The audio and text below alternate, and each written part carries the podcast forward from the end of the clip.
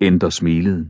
Det var ham, der havde regnet ud, hvordan man kunne udsende meddelelser og få dem til at marchere, selvom hans skjulte fjende gav ham et øgenavn, var måden det foregik på i sig selv en anerkendelse.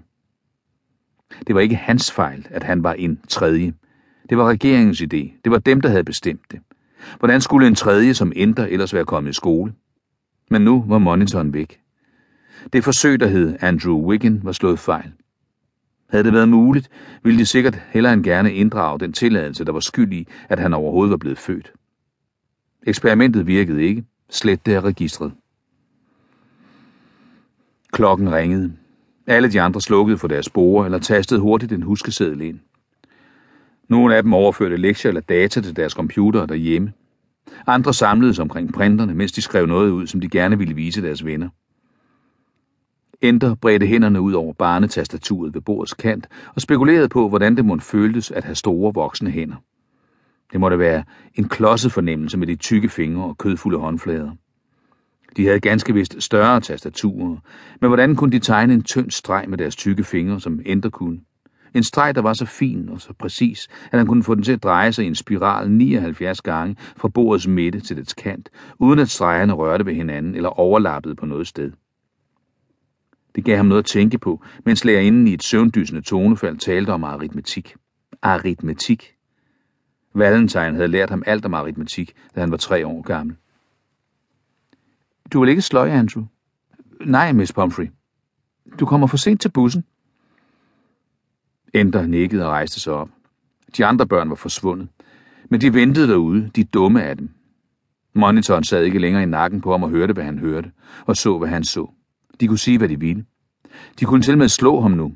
Der var ingen, der så dem mere, og derfor heller ingen, der kom ændre til undsætning. Der var visse fordele med monitoren, som man kom til at savne. Det var Stilson, det var klart. Han var ikke større end de fleste andre drenge, men han var større end ændre. Og han havde nogle andre med sig. Det havde han altid. Hej, tredje.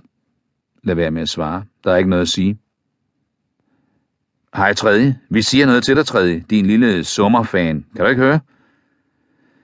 Jeg kan ikke finde på noget at svare. Hvis jeg siger noget, bliver det bare værre. Så jeg kan lige så godt lade være med at sige noget. Hej, tredje, din lille lort. Du dumpede mest, hva'? Du bildte dig ind, at du er bedre end os andre, men de har taget den lille piper fra dig, tredje. Og nu har du kun et plaster i nakken. Kan jeg få lov til at komme forbi? spurgte Ender. Kan han få lov til at komme forbi? Skal vi lade ham gå? De lå alle sammen. Ja, du skal nok få lov til at komme forbi. Først får din arm lov til at komme forbi, og så din røv, og til sidst måske et stykke af dit knæ. Nu stemte de andre i. Har de taget piberen fra dig, tredje? Har de taget piberen fra dig, tredje? Stilson begyndte at skubbe til ham med den ene hånd, og der var nogen bag ham, som skubbede ham hen mod Stilson. Gøng gang, var der en, der sagde. Tennis? Bordtennis? Det kunne ikke ende godt. Ender bestemte sig for, at det i så fald hellere måtte ende galt for en af de andre. Da Stilson næste gang rakte arm ud for at skubbe til ham, greb han ud efter den, men han fik ikke fat. Nå, så du vil slås, hva'? Vil du slås med mig, tredje? Drengene bag Ender greb fat i ham, for han ikke skulle flytte sig. Ender havde ikke lyst til at le, men gjorde det alligevel. Skal der virkelig så mange til at slås med en tredje? Vi mennesker har ikke et tredje lortefjes. Du er ikke stærkere end en skid. Men de slap ham. Og i samme øjeblik sparkede Ender højt og hårdt og ramte Stilson midt på brystkassen. Han faldt. Det kom bag på Ender.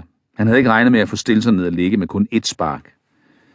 Det var ikke faldet ham ind, at Stilson ikke tog slagsmålet alvorligt, og derfor heller ikke var forberedt på et rigtig hissigt spark. Et kort øjeblik trak de andre sig lidt tilbage, og Stilson blev liggende ubevægelig. De spekulerede alle sammen på, om han var død. Ender tænkte derimod på, hvordan han skulle bære sig ad med at forhindre et modangreb. Forhindre dem i at overfalde ham i flok i morgen. Jeg er nødt til at vinde nu, en gang for alle. Ellers er jeg tvunget til at slås hver dag, og det kan kun blive værre og værre. Ender kendte de uskrevne love for mandig krigsførelse, selvom han kun var seks år gammel.